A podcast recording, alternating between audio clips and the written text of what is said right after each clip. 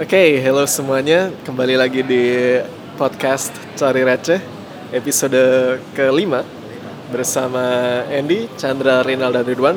Kita masih di Neo Soho dengan backsound yang beraneka macam.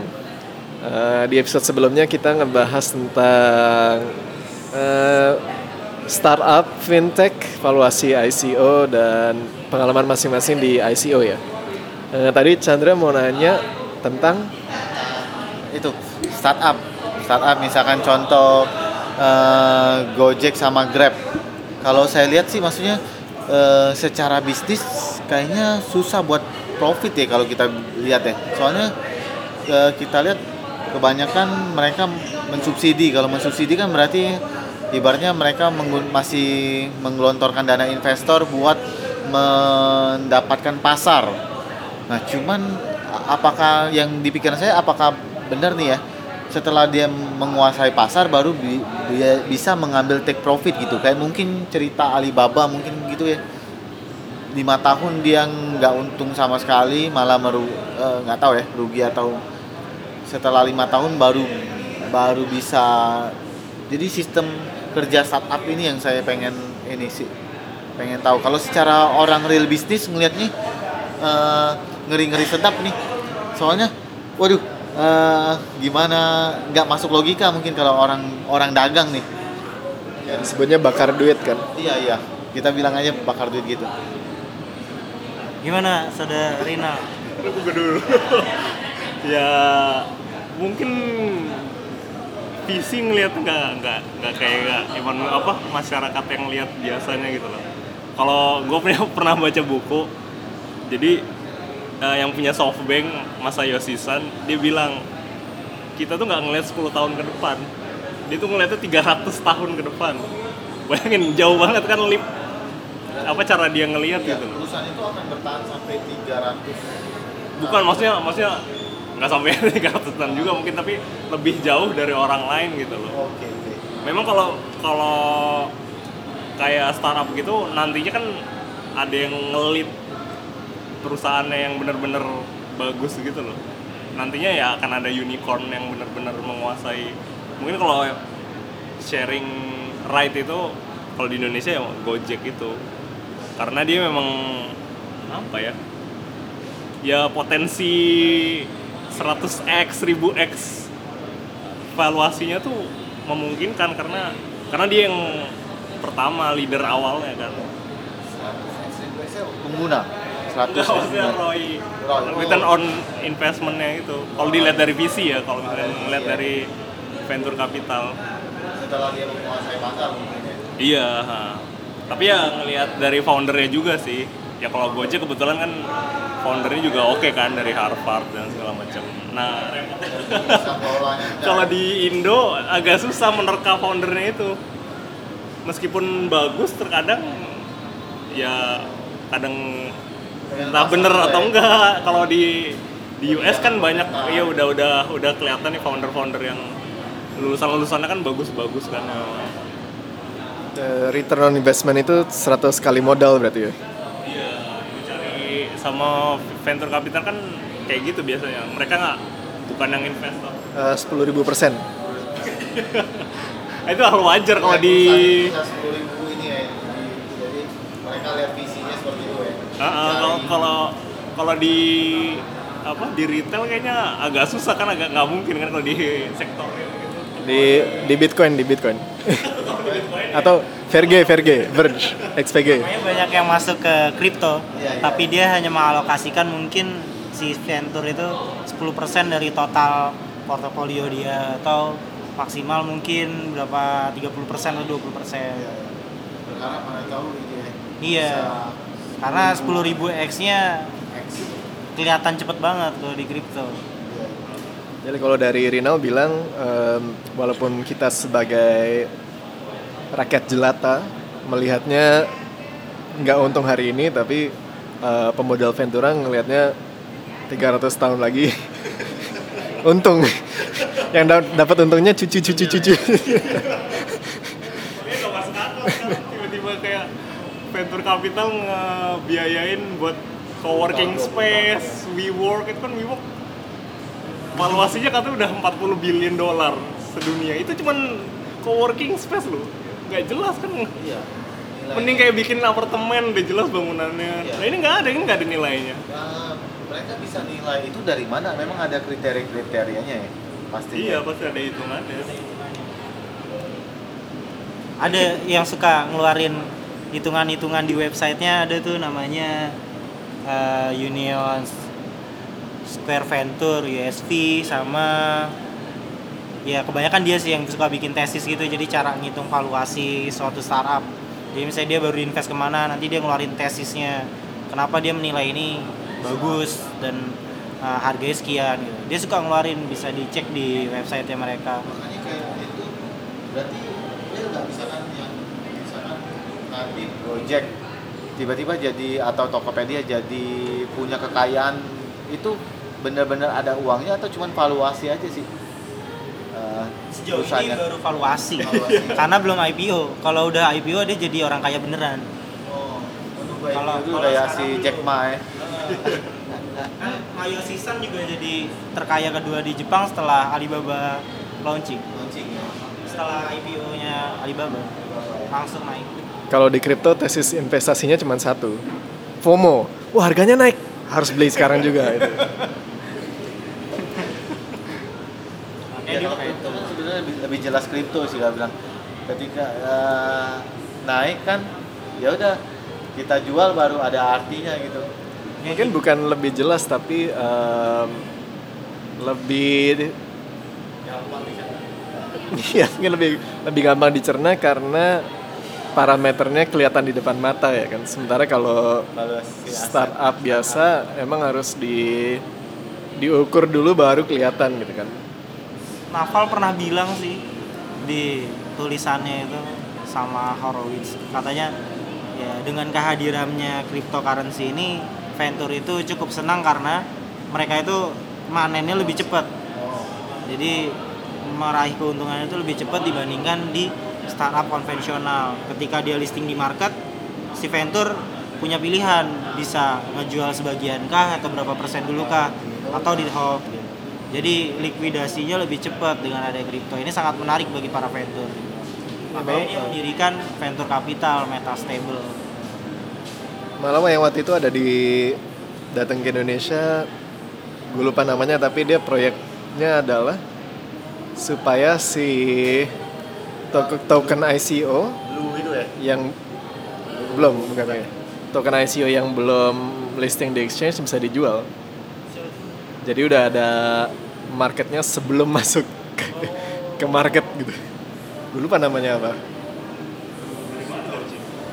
Eh, dia salah satu waktu itu datang sama Latoken. oh iya dulu datang ya warnanya merah-merah itu logonya ya dia presentasi Iya. Dia presentasi, dia datang sama Playchip juga. Pokoknya ada yang oh itu ya Itu namanya apa ya? Ada tuh ya. emang Iya, gitu Iya, iya, dia bilangnya gitu. Yes, kan salah dia proyeknya adalah ya se- sebenarnya kan dia mau mempercepat likuiditas ya. Jadi eh, orang yang udah beli token ICO kan nggak langsung di pasar mesti ditahan berapa lama tapi kalau udah mau dijual duluan ada marketnya gitu. Dia berarti buat market yang di mana to- uh, token atau koin tersebut belum listing malah ya. market before market ya mungkin bisa disebutnya over the counter ya. Jadi ke sesama pemilik eh, tokennya kalau mau jual beli nggak mesti nunggu muncul di salah satu exchanger aja lah langsung aja gitu. Belum muncul di coin market cap lah kita bilangnya. Ya. Nah, pertanyaan saya, pertanyaan saya nih, kalau misalkan saya sebagai pebisnis, saya buat startup itu eh, keuntungannya tuh baru real ketika kita bisa mendapatkan investor dong kalau gitu. Bukan eh, keuntungan kita benar-benar kayak dagang eh, laba rugi. Gua ju eh, berapa banyak gua jual selisih keuntungan. Kalau ini benar-benar kalau kita bikin startup nih eh, baru akan untung ketika ada investor yang melirik dan meninvestkan gitu ya. Sebenarnya kalau kebanyakan founder-founder awal menjelaskannya seharusnya startup itu adalah semangat dari startnya itu. Jadi dia start by small dan dream big gitu. Dan itu solve a problem. Gimana caranya dia nge-solve problem. Tapi kebanyakan sekarang tujuannya bukan solve a problem tapi apa yang dibikin bisa cepet didanain gitu. sehingga yang lagi tren misalkan fintech ya orang bikin fintech biar cepet didanain gitu. bukan solve a problem ya ya iya kebanyakan sehingga ya sangat membingungkan. Kebanyakan nanti ujung-ujungnya cuma diakuisisi habis bikin diinvest di lirik yang lain jual aja. Ya iya selesai. Mana selesai gua terus bikin startup lagi deh. Iya yang bisa dijual lagi. Ya, bukan kalau kayak cara berpikir kayak gitu sebenarnya cara berpikir si investornya sih. Investor ya. Bukan foundernya foundernya Iya, foundernya berpikirnya jauh ya. gitu. Heeh. Uh, lebih ke ya udah fokus ke produk aja gitu. Karena sebenarnya value itu kan didapat kalau menyelesaikan suatu problem berarti kan ada value yang selesai gitu. Nah ketika value terselesaikan ada insentif seharusnya di sana. Jadi otomatis akan ada monetize ya ketika kita selesaiin suatu problem. Yang problem itu emang ada value-nya. Nah, kalau di blockchain itu namanya solution looking for a problem ya kan. Solusinya blockchain, masalahnya apa nih? Kita cari masalah. Ada nggak yang punya masalah apa? Solusinya blockchain. Iya. Tinggal cari tinggal cari masalah. masalahnya nih. Kita tinggal cari ada apa? Eh, apa? eh, tempat parkir pakai blockchain, ya kan? Eh, sewa ruko pakai blockchain. Ini seharusnya nggak harus pakai blockchain juga sebetulnya ya tapi kita cari problem aja gitu Mau Saya ngedown- pakai blockchain Mau ngedownload file pakai blockchain, ya kan? agar bisa apa ICO intinya kumpulin dana ya. Intinya ngambil uang lagi. Ya itu salah satu downside atau uh, kekurang kelemahannya dari ICO market pasar ICO adalah kemudahan untuk ikut ICO ini jadi orang-orang sebetulnya lebih tertarik ke ICO sih sebetulnya mudah banget kan ngikut ini. Dan sebenarnya bikin token itu gampang banget ya. Uh, apa kalau pakai Waves platform like beli juga ya tinggal pencet berapa tombol. Udah jadi tokennya. Kalau pakai Ethereum agak sedikit lebih rumit tapi nggak nggak juga gitu. Mesti in- download dan install beberapa package tapi ya da- dalam waktu masih kurang dari sejam udah bisa terbit gitu kan. Saat ini masih terjangkau lah ya kalau saat ini. Kalau dulu mungkin masih agak mahal kalau sekarang terjangkau ya. Tapi sebenarnya sama aja kayak token-token ini gak sih? Kayak kalau kita misalkan beli Gojek terus dapat poin. Cuman bedanya kan dia nggak liquid kan. Liquidnya cuman ke platform yang dia suruh aja misalnya poin sekian bisa ditukar ini gitu kan. Nah, Mungkin- dengan ada si blockchain sini semua orang bisa saling tukeran entah value-nya apa gitu. saling tukerin aja udah. ini bagus ini. tapi kan uh, perdebatannya di situ kalau utility token atau ya kayak go points atau semacamnya kan uh, bisa dipakai untuk sesuatu yang real sementara kalau token kripto sejauh ini ya sebatas spekulasi ya kan Uh, kalaupun ada utility token kayak WePower atau Power Ledger ya kita bisa beli tapi nggak bisa pakai karena itu proyeknya terbatas di di lokasi-lokasi tertentu. Kayaknya mah ini efek domino sebenarnya. Karena banyaknya platform yang muncul, ketika platform muncul, dia kan butuh orang yang ada di dalam platform. Akhirnya dia menghimpun orang-orang untuk bikin blockchain, bikin token, nanti di ICO-in. Sehingga lama-kelamaan ya semakin banyak perusahaan platform, akan makin banyak orang yang launching token juga gitu. Jadi efek domino. Karena dia pun juga butuh anggota gitu karena di mana-mana mulai ada inkubator untuk bikin token dan ICO ini aja baru sekarang ntar beberapa tahun lagi mungkin jamur ya? berjamur. Kalau kalau sebenarnya kan tahun tahun lalu udah terjadi ICO bubble ya. Eh, dan sedikit mengempes tapi nggak mati total.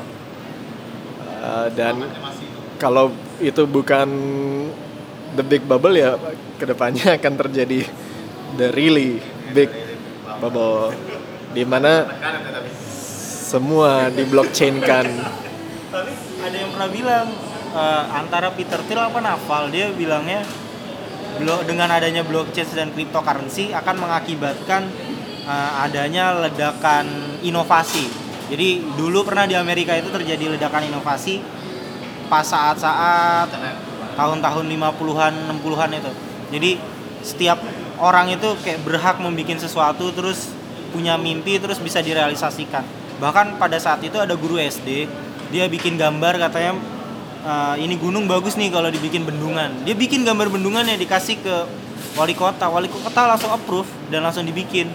Tapi pada saat pengerjaan ternyata nggak nggak layak untuk dibikin. Itu banyak sekali pada tahun itu orang-orang yang melakukan inovasi. Makanya muncul generasinya Edison dan segala macam ke sana. Setelah itu Einstein dan segala macam karena habis ledakan inovasi itu apakah mungkin nanti ada lagi Edison kan tahun 1900 berapa Edison? Kayaknya sebelum 1950 deh. Iya dari tahun segituan itu langsung ada ledakan inovasi gitu katanya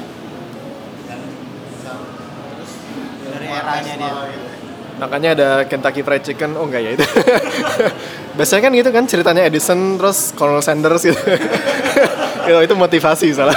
10.000 kali gagal ya. Kalau zaman sekarang sepuluh ribu kali udah ini kali. Down ngedown habis ya. Eh, maklum guys kita veteran MLM jadi udah. ceritanya kan itu kan motivasinya. Tadi sampai mana? KFC ya KFC usia berapa ya? Baru berhasil ya? 90-an ya. Eh, ya kalau ledakan inovasi ya bener sih. Tapi kita juga mesti mengambil analogi dari internet bubble eh, dot com bubble kan. Memang dari masa itu lahir perusahaan-perusahaan terbesar saat ini kayak Google mesin pencari eh, Facebook media sosial eh, apa Amazon eh, tempat belanja paling besar di dunia tapi kan itu sekian dari sekian ratusan ribu atau mungkin jutaan eh, .com .com lain. Itu gimana kita cara menemukan yang potensial bisa 10.000 x itu dan Amazon sendiri pernah turun 98 persen ya. Amazon sendiri pernah turun 98 persen nilai sahamnya. Jadi kayaknya nggak ada orang yang mungkin ya nggak ada orang yang nahan aja terus itu pasti suatu saat akan beli karena kalau lu punya saham hak saham turun 98 persen lu ngapain? Kecuali satu istrinya. Kecuali istrinya. Sekarang mau cerai kemungkinan besar istrinya mau jadi wanita terkaya di dunia. Berarti mungkin dijual ya sahamnya sama istrinya. Ya yang dijual nggak dijual tetap langsung kebagi dua kan? Valuasinya dia pranikah Warren Buffett aja nggak invest di Google atau Apple atau Facebook kan? Eh, di Apple iya tapi itu baru-baru kayak dua tahun terakhir ini ya. Windows dia nggak nggak itu. dia menghindari teknologi ya? Karena dia belum ngerti waktu itu. Sekarang udah mulai paham bisnisnya baru masuk. Dia main yang ini ya kehidupan sehari-hari orang ya. Eh, ya dia portfolionya lebih ke sesuatu yang udah yang penting kalau filosofinya Warren Buffett adalah mengerti dulu baru invest. Dan itu bener sih sebetulnya. Iya karena kalau cuman ikut-ikutan aja kan kalau harganya naik turun ya kita juga jadi panik kan gitu kan. Karena kita nggak tahu sebenarnya apa yang terjadi tapi kalau kita paham oh tenang ini memang siklus pasarnya atau oh ini memang teknologinya lagi berkembang jadi naik dan turun. Pada zaman namanya melangkah dulu baru baru mikir. Baru mikir. Iya kayak podcast ini kan? Kayak podcast ini melangkah dulu baru mikir. Orang sekarang. Sekarang. Tapi itu eh, semangat yang oke. Lagi? Udah hampir 20 menit? Nih Em, untuk sementara di situ dulu. Jadi eh, valuasi antara startup dan ICO itu memang agak berbeda dari segi time frame-nya ya Eh, rangka waktunya kalau ICO lebih cepat kalau startup itu lebih lambat dan lebih teregulasi jadi hanya bisa diakses oleh beberapa orang tertentu dan profitnya juga di kemudian hari. Eh, sementara kalau kripto dan ICO memang lebih cepat tapi fluktuatifnya luar biasa itu kan. Bisa 90% turun atau siap. ya. Kalau untung seneng tapi kalau rugi kembali kerja di bank ya kan oke eh, ini sekian untuk episode cari receh podcast episode ke 5 bersama Andy Chandra Rinalda Ridwan di Neo Soho. Sampai jumpa di episode berikutnya.